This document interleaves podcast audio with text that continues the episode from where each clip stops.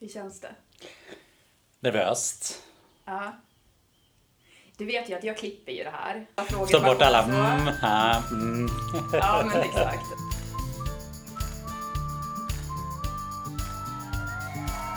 Låt dig smittas av glädje i podcasten som förgyller din dag.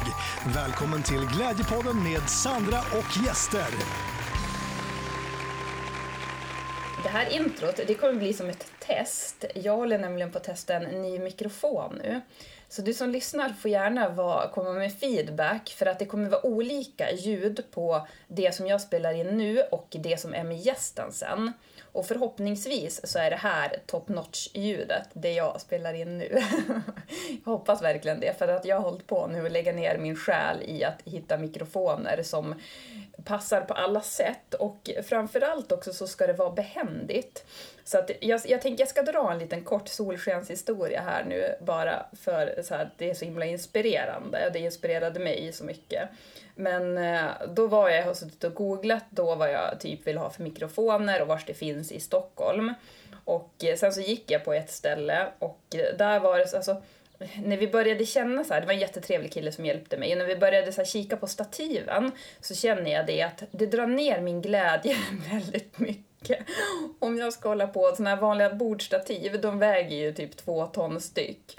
Och ja, men det drar ner min glädje om jag ska hålla på och släpa det när jag då åker runt och gör intervjuer. Och de hade som inte, ja men något smidigare. Och då sa han det, han bara, men jag tycker inte att du ska handla här, utan jag tycker du ska gå till de här istället. Och så rekommenderade han några andra. Han bara, för att jag tror att de har, de kan ha smidigare stativ, jag vet inte, men han bara, då är det ju lika bra att du köper mikrofonerna där också, så blir det smidigast. Och jag bara, alltså hade det här varit i Umeå, då hade jag ju headhuntat dig direkt till Umeås gladaste medarbetare. För att, alltså jag tycker det är så fint, just den grejen, att han då skickade mig till ett annat ställe för att han tänkte, han, vill, han ville kunden så väl att han var redo att förlora den på grund av att bara ge maximal service. Helt magiskt.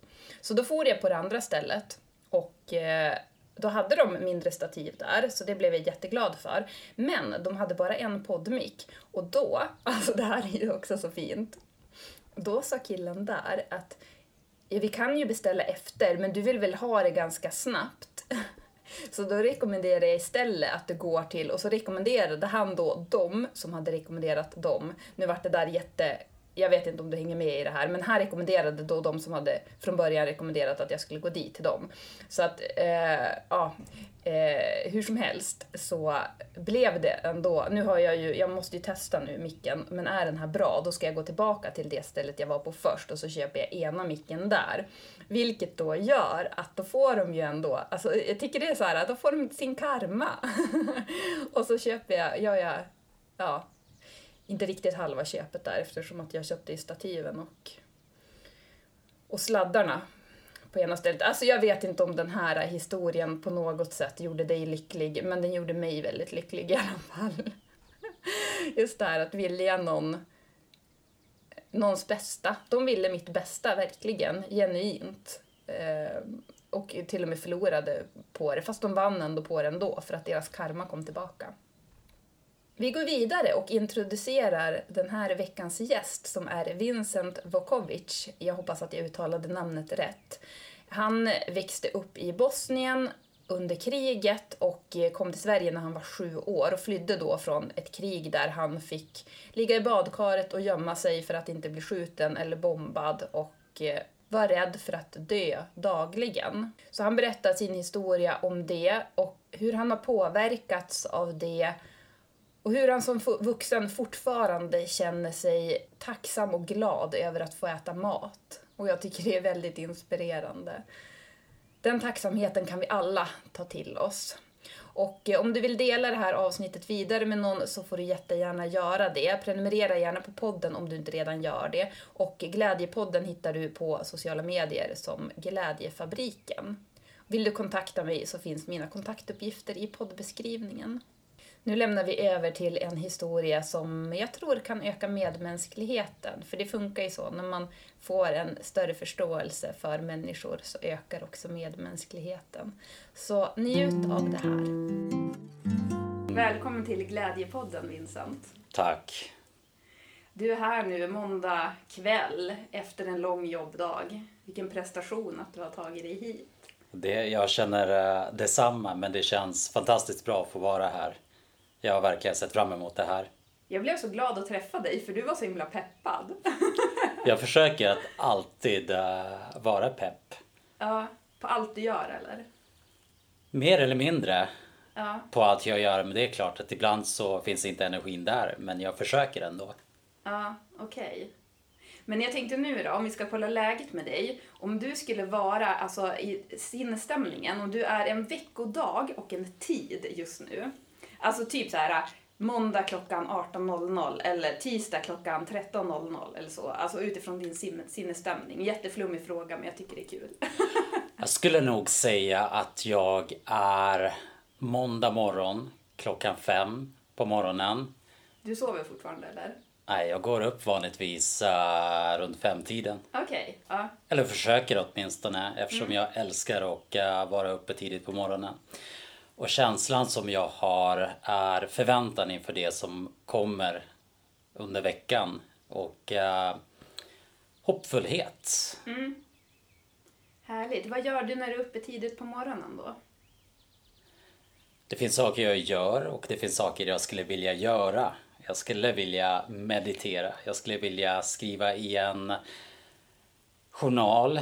Jag skulle vilja träna med det som jag egentligen gör, precis som många andra, är att kolla på mobiltelefonen det första jag gör. Nej! Tyvärr! Nej, okej det där måste vi bryta omedelbart. Vet du vad som händer? Det där är fruktansvärt. Det är den värsta starten du kan ha. Du går direkt in i någon annans energi. Jag håller med. Du är, du är inte i dig själv. Det är jätteviktigt. Nu blir jag typ upprörd. Det är jätteviktigt att starta dagen alltså, i sig själv, i sin egen energi. För det sätter som prägel på resten av dagen. Jag håller med dig till 100% och uh, vad jag har försökt göra nu det är att lägga mobiltelefonen i vardagsrummet och istället ha en larmklocka som ringer. Men du har den väl också på flygplansläge när du sover? Jag har inte det. Jag ser härifrån att du är väldigt provocerad. Här har vi för dig. ja. Nej, alla får leva som de vill. Man, men eh, nu fick du några tips i alla fall. Det fick jag absolut. Det lät så bra så här, ja men jag går upp klockan fem på morgonen och så här. Man bara, okej vad har du för härliga rutiner då? Bara, Nej, men jag kollar mobilen. Men jag tycker det där är så roligt. Det finns ju en föreställning om att man kan uh, få den perfekta morgonrutinen mm. och vanorna. Och uh, jag har försökt mm. många gånger.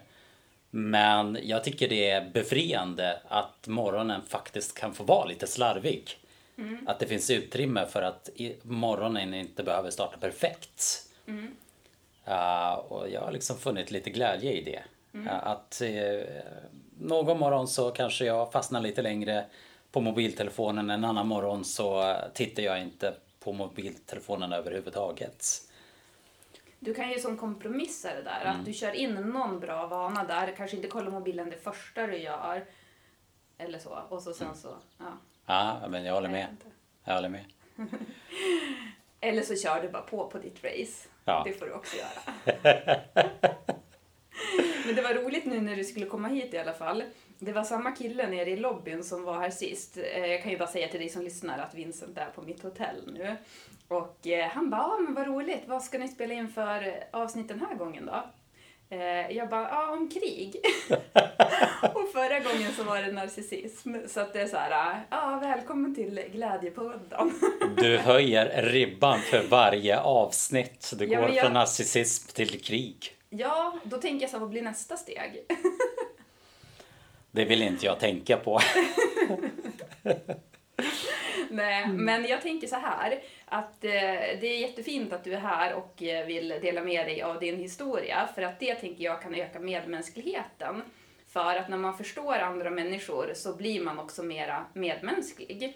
Och sen så är det också ett bra exempel på hur man inte behöver heller fastna i det förflutna, oavsett vilket förflutet man har. Och också att man vet aldrig med andra människor som man möter vad de har för historia. Jag håller med. Verkligen. Och det känns fint att uh, få dela med mig av uh, min berättelse i den här podden. Mm. Ja, men jag tycker ändå att det passar in i Glädjepodden, eller hur? Absolut. Det kanske inte börjar med glädje, men det kommer absolut att sluta med glädje. Jag gillar lyckliga slut, så det låter bra. jag gillar också lyckliga slut. Ja. Men berätta, var är du född någonstans? Jag är född i Bosnien och Hercegovina i huvudstaden Sarajevo och jag föddes där 1985. Så jag är 36 år gammal. Mm. Född i februari. En kall, vattenman. kall, kall vinter och är vattenman. Mm. En kall, kall vinter. Hur kallt var det? Det får jag nog fråga min mamma. Men mm. uh, hon sa i alla fall att det var väldigt kallt. Snön föll uh, då jag föddes. Och uh, hur var din uppväxt?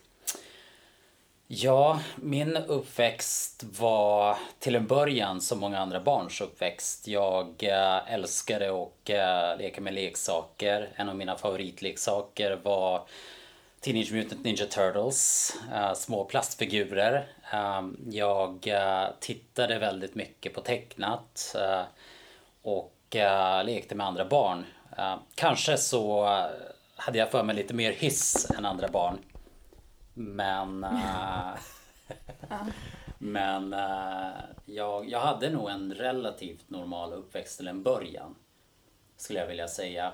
Äh, det som gjorde att mitt liv inte startade särskilt bra det var att min biologiska pappa valde att lämna oss när jag föddes. Han hade en föreställning om att han ville leva ett annat liv. Han ville inte ha familjelivet. Mm. Och Eh, det gjorde att min mamma hon fick eh, helt enkelt hitta en annan man. För det var inte särskilt enkelt som kvinna att kunna försörja sig själv vid den här tiden och inte heller nu för den delen. Så hon arbetade, eh, hon hade två jobb. ett jobb som sjuksköterska och ett jobb som städare. Det var när hon städade hos en man som hon fann då min styvpappa. Mm. Och det här var ju egentligen ett sätt att helt enkelt säkerställa att vi hade tak över huvudet och mat på bordet. Och det är väl klart att hon också var förälskad i honom. Men det handlade lika mycket om att uh, se till att vi hade någonstans att bo. Mm, det är svårt att föreställa sig. Alltså jag, för mig skulle det vara det värsta att behöva överleva på det sättet. Tyvärr är det ju många som uh, behöver leva under dessa förhållanden. Mm. Men uh, jag skulle också vilja säga att den här erfarenheten är det som har format mig. Jag skulle inte vilja ha det ogjort. Um, utan uh, det är en del av mig. På vilket sätt? Jag skulle nog vilja säga att jag under åren har kommit att värdesätta relationer mm. mer utan tvekan. Men äh, det var lite de förutsättningarna som äh, jag äh, växte upp under. Och kriget kom ju där till Bosnien och Hercegovina och Balkan i stort egentligen i början på 90-talet. Mm. Och vände ju upp och ner på hela vår existens, mer eller mindre. Hur gammal var du då? Jag var cirka sex år gammal. Har du mycket minnen från det här? Det har jag. Jag minns uh, nästan allt från mm. uh, kriget. Okej. Okay. Kan du minnas när kriget kom och vad det var, alltså vilka förändringar skedde då? Bra fråga. Det kändes inte som att kriget uh, plötsligt hände utan det skedde med små, små, små steg. Mm. Jag minns att jag eh, var hos eh, mormor och morfar på besök och eh, jag minns att de vuxna pratade på balkongen och de pratade om någonting som de såg längre bort i, vid horisonten och en av dem höll i en kikare. Och jag lyssnade in på deras konversation och hörde att de pratade om fordon, militära fordon. Och då frågade jag om jag också fick se. Och eh, de gav mig kikaren och så tittade jag bort mot berget och såg då på en av vägarna att eh, det åkte då pansarvagnar och lastbilar på vägen. Och då förstod jag att någonting var på gång. Man såg eh, på de vuxna att de var oroliga, att de var rädda. Vi barn visste inte vad det rörde sig om, men vi kände att någonting var fel.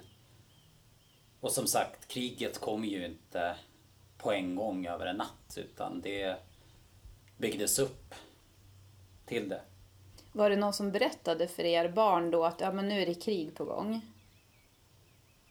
Jag kan inte minnas det. Nej.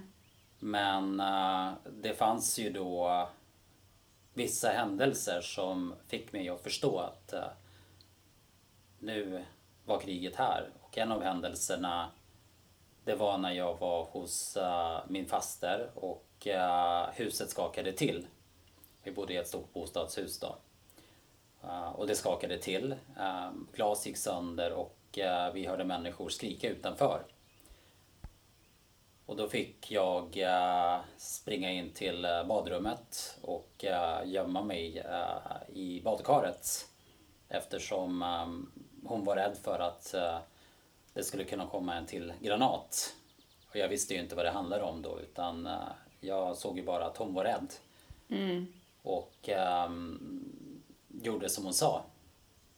Men sen så började jag ju förstå att eh, ja, men, vi är mitt uppe i ett krig. Eh, och det var ju många händelser som ledde upp till det. Eh, En annan händelse som jag minns väldigt starkt det var när jag blev tillsagd att eh, röra mig bort från ett fönster. För att det fanns krypskyttar som eh, sköt människor.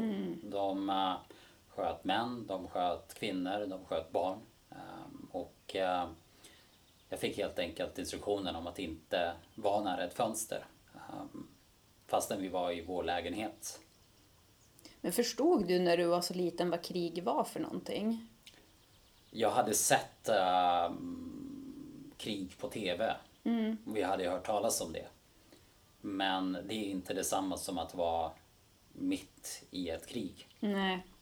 Det är svårt att föreställa sig hur det faktiskt är att vara mitt i ett krig genom att bara se krig på TV eller att läsa om krig eller att höra om krig.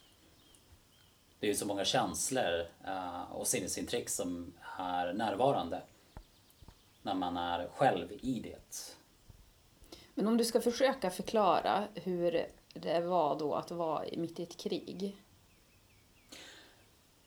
Om det känns okej, för jag vill inte riva upp så här äh, jobbiga känslor här. Det känns okej. Ja, Jag har ju tänkt väldigt mycket på den tiden och uh, återbesökt den. Och uh, jag tror nog att den tiden fram tills att vi lyckades fly från Sarajevo präglades av osäkerhet och oro. Osäkerheten grundade sig i att uh, vi när som helst kunde bli attackerade och kunde skadas eller till och med dö. Och oron handlade väldigt mycket om att vi inte visste vart vi hade vår familj och släkt och andra. Eh, exempelvis eh, en av mina morbröder var eh, ute och tjänstgjorde i militären och vi hade ingen möjlighet att nå honom. Vi visste inte om han levde eller om han var död. Men eftersom vi var där ändå ett tag så övergick kriget ändå till någon form av vardag. Vilket var en väldigt underlig upplevelse. hur länge levde du i kriget? Vi var där i några månader. Ja, Och för ett barn är ju några månader en livstid. ja gud ja, verkligen. Men om du ska försöka förklara då hur det var att leva i det där. För gick du, som barn då, gick du omkring och tänkte att jag kanske dör, de kanske skjuter mig? Ja, det gjorde jag nog. Eftersom uh, kriget var ständigt närvarande. Exempelvis så kunde jag inte få sömn under en hel natt på grund av att det sköts ute. Man såg uh, hela himlen lysas upp uh, av skott och um, staden besköts av artilleri under lång tid. Flera tusentals artilleripjäser landade ju över staden. Ibland så flög ju eh, flygplan över och helikoptrar. Och rätt så ofta så hörde vi skott. Och ekon av skott. Var du rädd då på nätterna? Det var jag. Ja. Men hur sov ni? Sov ni i era vanliga sängar då eller? Det beror på. Eh, när det sköts som mest så eh, kunde jag exempelvis lägga mig och sova med, i badkaret. Ja. Eftersom det inte fanns några fönster där Ja, så, precis. så var det ju egentligen det enda stället där man kunde vara någorlunda säker. Mm. Men uh, vissa nätter så var det ju lugnare och då försökte vi sova antingen mm, i sovrummet då eh, tillsammans eller på soffan. Mm. Men det var svårt eh, Ja. och eh, försöka få någon sömn. Men jag tänker att som barn har det här, alltså när man är så liten, har den otryggheten. Att jag vet inte om jag dör idag. Vi ska fortsätta, men jag tänker nu, nu spolar vi framåt i tiden. Bara för att jag är så intresserad av att veta det. Hur har det påverkat dig? Som vuxen Ja. Som du är medveten om. Jag eh, tänker att det måste ha påverkat mig på det sättet att jag tänker ibland väldigt mycket på min säkerhet när jag befinner mig i situationer som jag kan uppfatta som farliga. Vad skulle det kunna vara? Det skulle exempelvis kunna vara när jag reser utomlands och eh, baserat på en, min intuition känner att jag befinner mig i ett område som kan vara farligt för mig. Men det kan också vara så att jag försöker undvika att vara i vissa områden, att jag planerar för att faktiskt undvika. Eh, Men det är ingenting sådär i vardagen som du har känt att du har... Du är påverkad? Nej, egentligen inte. Det finns ju en eh, idé om att eh, alla människor som har varit i krig eller eh, i konflikt lider av kanske posttraumatisk stress eller eh, att de på olika sätt får sitt liv begränsat. Men jag känner faktiskt inte att mitt liv har blivit begränsat i den utsträckning som andra människor kanske föreställer sig. Men sen tänker jag också sådär, när du säger begränsat, det låter så tragiskt. Jag, jag tänker också att det här posttraumatisk stress och sånt, det är ju sånt man kan komma över. Att man kan ju ha en period som det känns som det är jobbigt.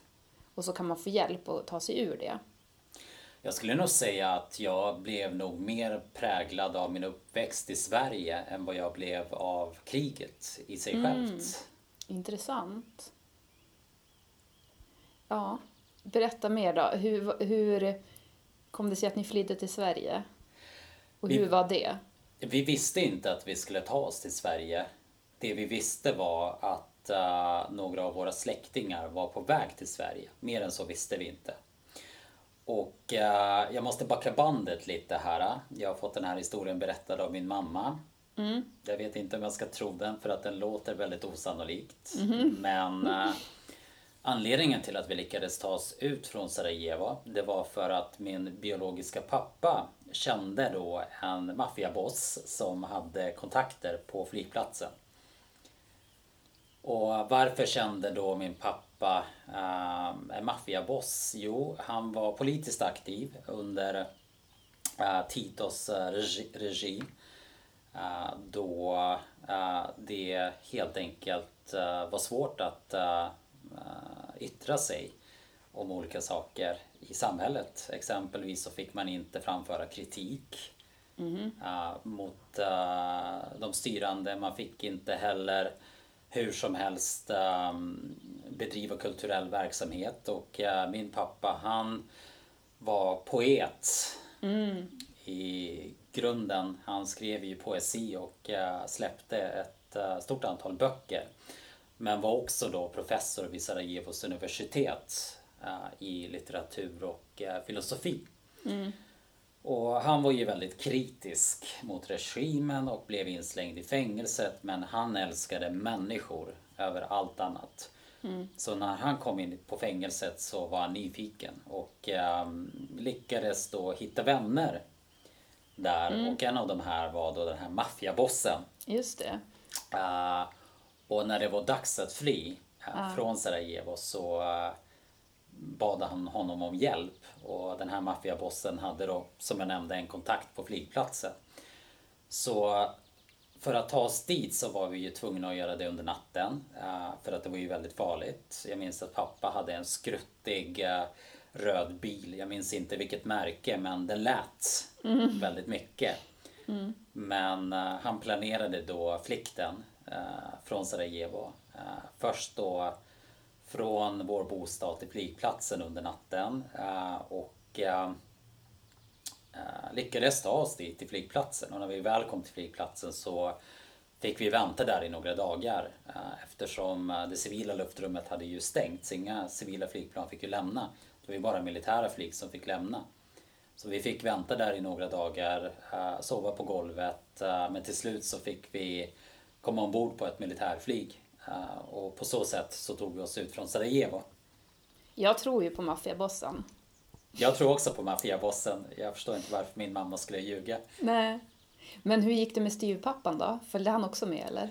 Han följde inte med. Nej. Det finns tyvärr en tragisk historia där. Min styvpappa var alkoholist eh, och eh, det blev så lägligt att eh, både jag och min mamma flydde från min styvpappa när kriget bröt ut. Och eh, den som hjälpte oss med det var ju min biologiska pappa. Så vi lyckades ta oss eh, bort från honom i samband Ja. med att kriget bröt ut. Men gud vad bra. Jag fick ingen bra feeling för den där styvpappan. Du hade rätt känsla. Ja, vad, vad, vad skönt att höra då att ni tog er från honom också. Mm. Men hur var det sen att komma till Sverige då?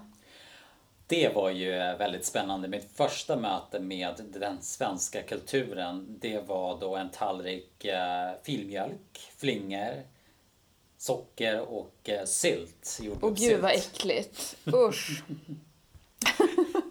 Ja, men det här serverades som frukost på den flyktingförläggningen som vi temporärt bodde på. Eh, Vår första anhalt i Sverige var ju i Ystad och där hade man temporärt då, eh, vad jag kan minnas, i ett hangar byggt upp en flyktingförläggning och där fanns det ju rader med sängar eh, som vi fick sova på. Och som sagt så serverades ju det frukost på morgonen. Och eh, jag tyckte till en början att det var riktigt äckligt. Men jag måste ändå säga att efter några dagar så älskade jag den där tallriken med uh, filmjölk, uh, flingor och eh, socker och jordgubbssylt. Du vande dig. Jag vande mig, Ja. men det var mitt första möte med den svenska kulturen, om man får kalla det för matkulturen då. Ja, okej. Men sen så minns jag också att vi efter ett tag fick eh, flytta då vidare till eh, Norrland. Och eh, det här var då under vinter. Eh, Jag minns så tydligt att en av de första sakerna jag märkte det var ju röda stugor med vita knutar. Och det hade jag aldrig sett tidigare. Och man får komma Vad tyckte ihåg du om här- det då? Nej men det var, det var som att komma in i en saga Ja, faktiskt. Eh, och, det har ju eh, varit min dröm. En redstuga med vita knutar, det är så gulligt. Ja. Mm. Var det en sån ni hamnade i eller? Nej det var det inte. Nej. Utan eh, först så hamnade vi i ett litet samhälle som heter Ånäset. Mm, känner jag till. Känner du till. Mm. Och det var ju eh, oerhört fint. Eh, Det var ett väldigt litet samhälle. Så när vi kom dit med en buss så var det då personer som bodde i det här samhället som hälsade oss välkomna och eh, bjöd in oss till sina hem. Och det var väldigt fint. Det fanns bland annat ett eh, gammalt par som eh, bjöd in mig och min mamma till sitt hem och dels hjälpte oss att lära oss språket men också berättade om Sverige och hur Sverige funkade. Och det man får komma ihåg här, det är att innan vi kom till Sverige så visste jag inte ens att Sverige var ett land. Nähä, okej. Okay. Jag ja. visste inte var på kartan Sverige befann sig. Ja. Utan vi satte oss på en buss och sen så åkte vi uppåt i världen. Och till slut så kom vi till Sverige. Ja. Jag visste ingenting om mitt nya land. Nej. Och inte min mamma heller. Ja, intressant. Men hur länge bodde ni hos den där kvinnan då? då? Vi bodde ju inte hos någon kvinna utan vi bodde i eh, temporära baracker. Jaha, ni var bara och hälsade på hos Vi var bara och hälsade på ja, hos dem. Okay. men vi bodde då eh, tillsammans med en annan familj i en temporär barack precis utanför den lilla kyrkan. Eh, den enda kyrkan som fanns i Ånäset. Mm. Och jag minns verkligen den här tiden som en fin tid faktiskt. Mm. För det var nämligen så att uh, det fanns några vänliga själar som donerade en TV till mm. oss och uh, även också TV-spel. Jaha. Så efter att nyheterna var slut på kvällen uh, så samlades vi barn runt TVn och spelade spel. Och det här var ju ett sätt för oss att fly från vardagen och faktiskt få vara barn. Ja. Mm. Så, så vi samlades där och spelade och turades om. Och det var faktiskt en väldigt fin, eh, en väldigt fin eh, känsla. Mm. Men det är klart att uh, samtidigt som vi barn försökte vara barn, vi lekte och vi byggde kojor och lekte i sandlådan, så var ju föräldrarna fortfarande oroliga och rädda för det som hände mm. nere på Balkan. Mm. Så det bar vi alltid med oss, den känslan runt omkring oss. Den mm. försvann ju aldrig. Nej, det är klart. Då fick ni något eget hem där sen? Vi fick ett eget hem så småningom. Eh, efter vi hade bott i Ånäset ett tag så flyttade vi vidare till Luleå där vi var i några månader. Och till slut så fick vi ett eget hem då i Skelleftehamn. Mm. Och Skelleftehamn, eh, för de som inte känner till det lilla samhället ligger utanför Skellefteå. Det bor ungefär 3000 eh, människor i Skelleftehamn och hela samhället kretsar kring eh, Rönnskärsverken som är då en industri. Mm. Och det var där jag växte upp, i det här lilla, lilla, lilla samhället. Hade du hunnit lära dig svenska då? Det tog faktiskt ganska lång tid för mig att lära mig svenska. Eh, jag fick verkligen hanka mig fram. Och eh, innan vi fick börja i en svensk skola så fick vi ju möjligheten att lära oss svenska. Både att eh, läsa och skriva. Mm. Men jag kom tyvärr inte tillräckligt långt så när jag började i en svensk skola så hade jag inte de bästa förutsättningarna. Och det var inte bara det att jag inte kunde språket särskilt väl utan eh, jag såg ju annorlunda ut. Mm. Jag klädde mig annorlunda, jag luktade annorlunda. Allt uh, var annorlunda med mig. Och det gjorde ju också att jag väldigt snabbt uh, hamnade utanför. Mm. För du sa ju det att din uppväxt i Sverige har präglat dig mer. Hur var uppväxten i Sverige? Jag växte upp med en uh, ensamstående förälder som kämpade för vi skulle ha tak över huvudet och mat på bordet. När uh, mamma och jag kom till Sverige så fick hon omskola sig till undersköterska. Hon uh, pendlade fyra timmar om dagen mellan Skellefteå och Umeå för att få sin utbildning. Mm. Och efter att hon hade fått sin examen så började hon arbeta som undersköterska inom äldreomsorgen. Hon uh, arbetade ibland helger och uh, nätter och var ju väldigt trött om dagarna. Så hon kunde inte vara den förälder hon önskade vara. Mm. Det gjorde ju att jag lämnades ganska mycket mm, att klara mig själv.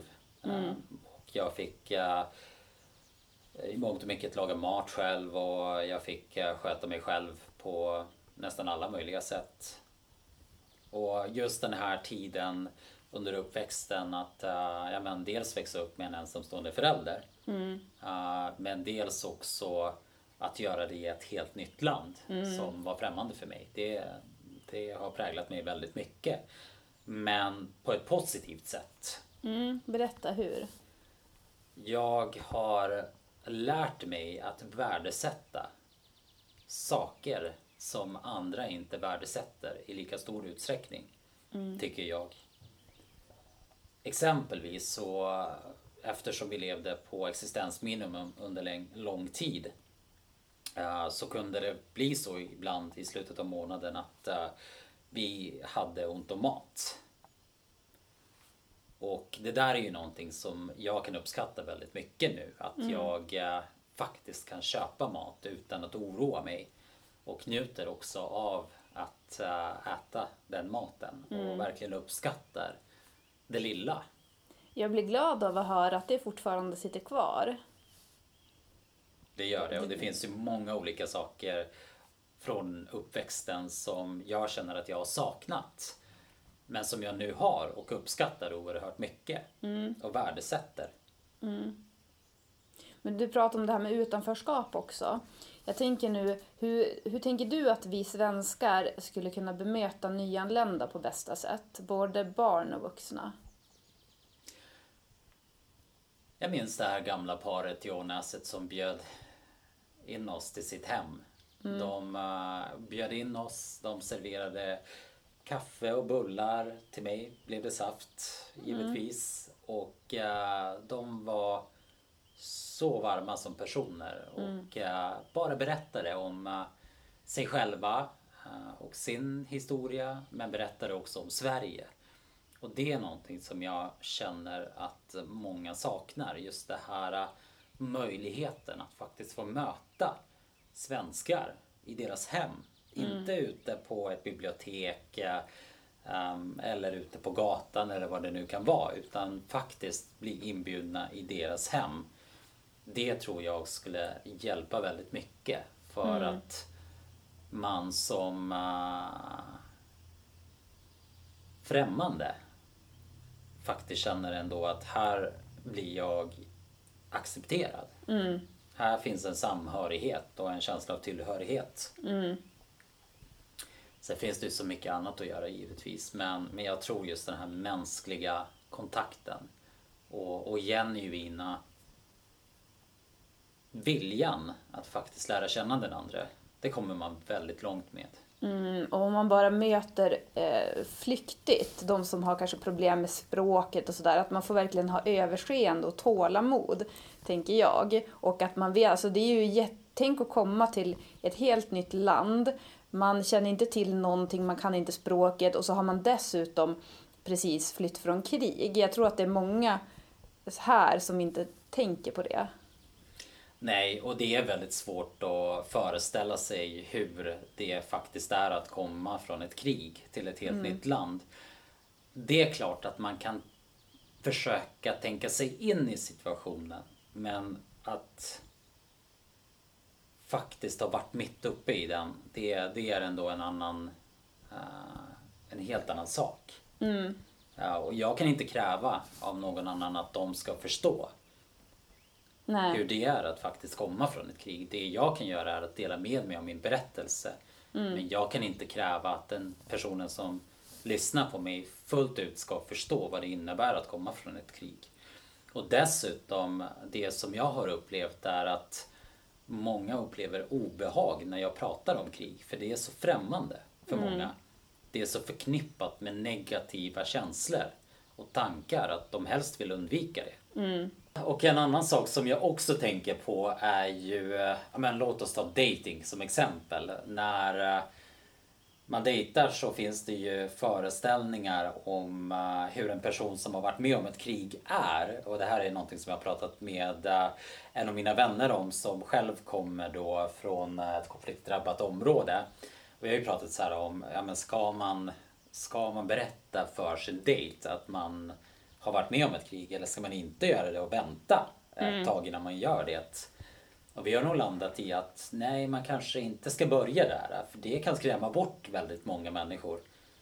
Uh, för att de tänker väl att ja, men, uh, du som har varit med om krig, du funkar väl säkert inte som normalt funtade människor. Uh, vilket är helt fel. Men är det era föreställningar om att folk tänker så? Eller är det egna upplevelser? Egna upplevelser. Är det så? Ja, eller det blir väl egna föreställningar och egna upplevelser men uh, men liksom svårt att beskriva det men när, när man kommer in på de ämnena så kan dynamiken i ett samtal ändras väldigt mycket. Mm. Och uh, Bra fråga. Är det föreställningar eller är det... Ja, för jag tycker ja. det låter lite... Alltså det låter ju sjukt i så fall. Fast å andra sidan så här när man börjar dejta vill man hantera det första man gör hantera någon annans sorg. Äh, Nej men det, det, det, kanske man inte gör om man börjar dejta ändå. Det är inte som att man då, för att precis som vi var inne på, alla har ju sin historia och det är inte, kanske inte som att man då bara öppnar ryggsäcken och bara du, titta här, alltså det här har jag varit med om och så här, utan man, man kanske ändå har lite mer integritet än så. Oavsett vad man har för historia. Ja, jag tänker att man kanske portionerar ut den uh, berättelsen i små, små, små portioner men inte gömmer undan den. Men man behöver kanske inte dela med sig hela sin historia som jag gör nu. Ja, men då kan vi ju se det här lite som ett tillfälle då att om det är någon som vill höra av sig och tycker att det låter intressant, då har du redan, då behöver du inte fundera på det här med Då kan jag skicka dem till poddavsnittet så får de en historia. Ja, men det kanske är någon som lyssnar nu. Ja. Om, om det är okej okay för dig, för visst är du singel? Ja, jag är singel. ja, vi kommer ju lägga in dina kontaktuppgifter. Eller vi lägger in din Instagram i alla fall, det kan man väl göra? Absolut. Visst har du en öppen Instagram? Nej, men man kan alltid följa mig. Ja, just det. Då får du gå på magkänsla där om det är någon som så vill följa och så. Så det här blir min uh, kontaktannons. Ja. det här kan ge mer glädje än vad du anar. Fantastiskt. Men du sa det att eh, det är inte så många som vågar prata om det här med krig. Skulle du vilja att det var fler som gjorde det? Det skulle jag faktiskt vilja. Att de bara, ja ah, men Vincent berätta, hur var det? Eller typ så.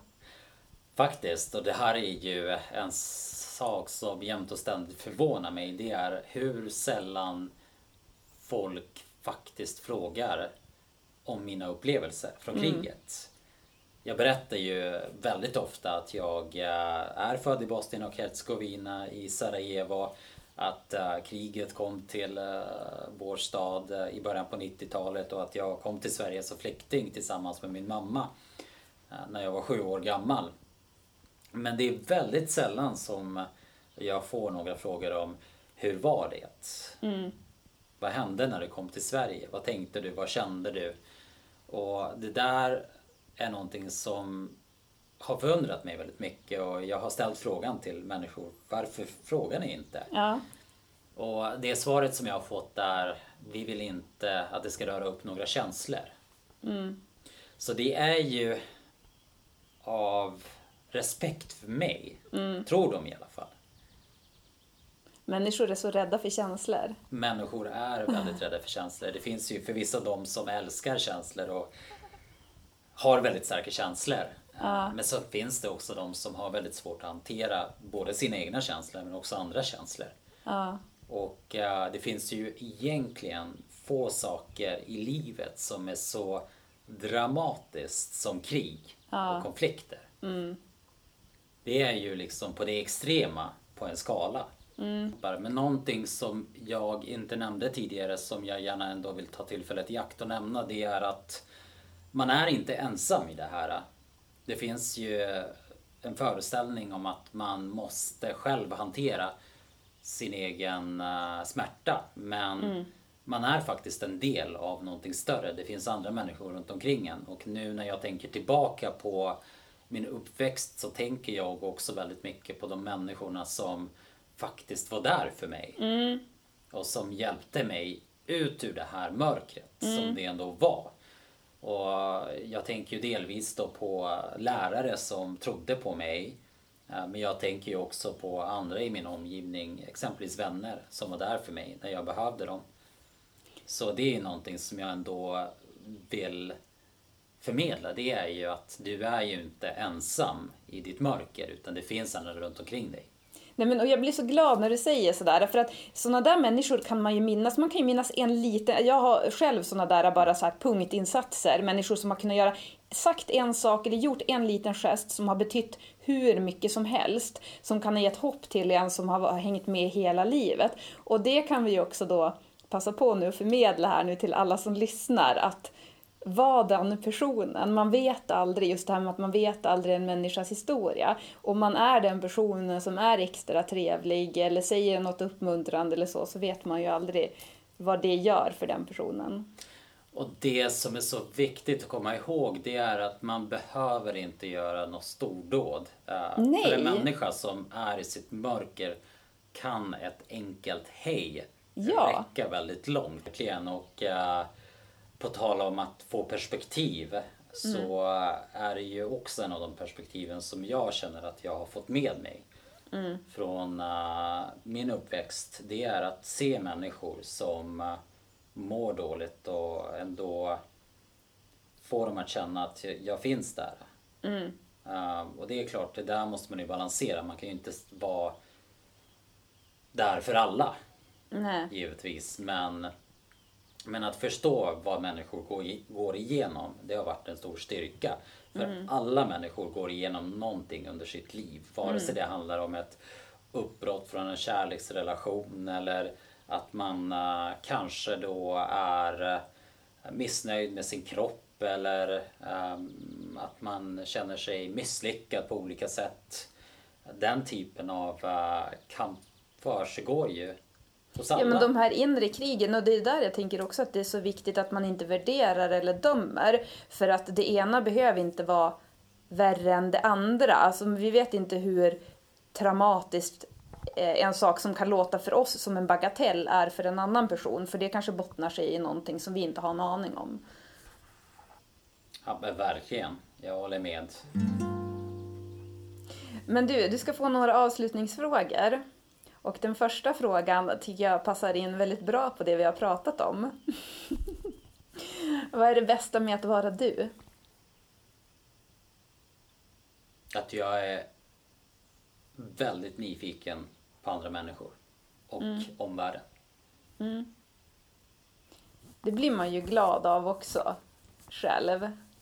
Att ha nyfikenhet. Och kreativ. När känner du dig som mest levande? När jag känner mig som mest levande? Jag känner mig som mest levande när jag är bland vänner. Och när vi försvinner i samtalet och skrattar och flamsar och bara glömmer bort morgondagen. Då känner jag mig som mest levande.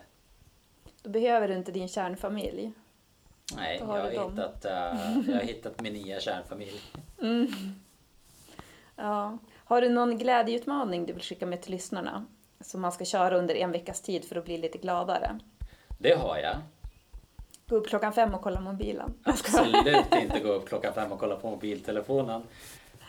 Nej, någonting som eh, gör mig väldigt glad det är att tänka tillbaka på händelser i barndomen där jag kände att ah, det här, det här, det här älskar jag. Och att få vara i den känslan, i den händelsen, i det minnet. eh, och skriva ner det.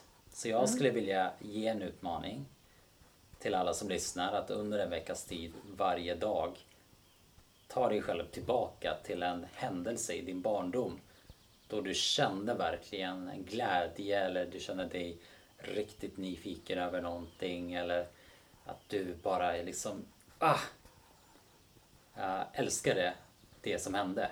Underbart. Då kommer man in i den här barnsliga entusiasmen igen. Den behöver vi mycket mer utav. Ja, Ja. verkligen. Vad peppad jag blir. Vi kommer bli så mycket mer peppad på livet nu. Tack. Har du någonting du vill tillägga?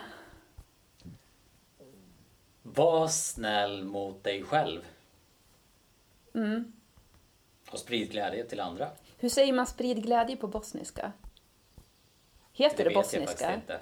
Kommer du ihåg, kan du fortfarande, kan du språket fortfarande? Någorlunda, men jag har tappat en hel del. Ja, vad är glädje då, vet du det? Vet inte. Kan du säga hej då? Ciao. Ciao! Okej, ja men det var inte svårare än så. Ska vi säga det då? Det ska vi. Ja, Ciao. ciao!